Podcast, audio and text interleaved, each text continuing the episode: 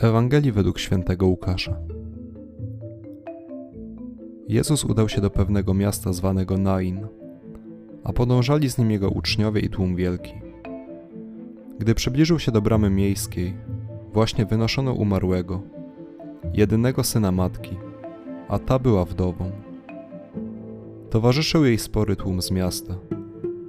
Na jej widok Pan zlitował się nad nią i rzekł do niej: Nie płacz.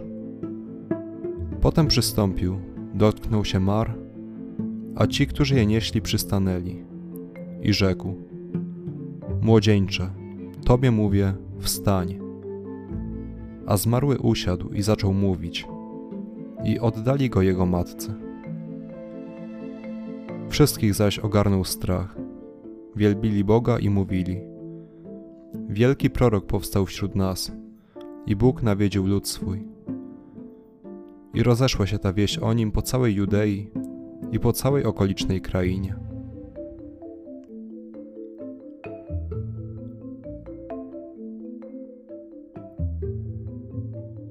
Dzisiejszy fragment Ewangelii mówi nam po raz kolejny o cudach, jakie zdziałał Jezus, mocą daną mu od Ojca.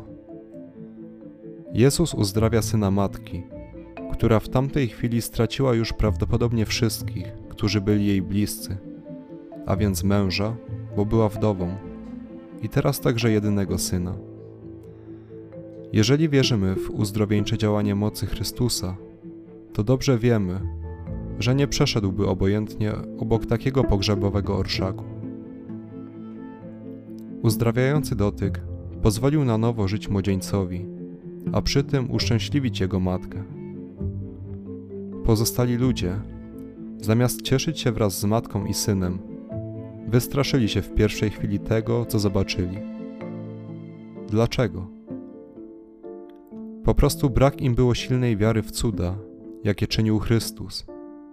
A my? Co uczynilibyśmy w takiej sytuacji? Przestraszyli się? Czy od razu radowali z łaski, której moglibyśmy doświadczyć? Tego właśnie chce od nas Jezus, abyśmy uwierzyli i bezgranicznie Mu zaufali.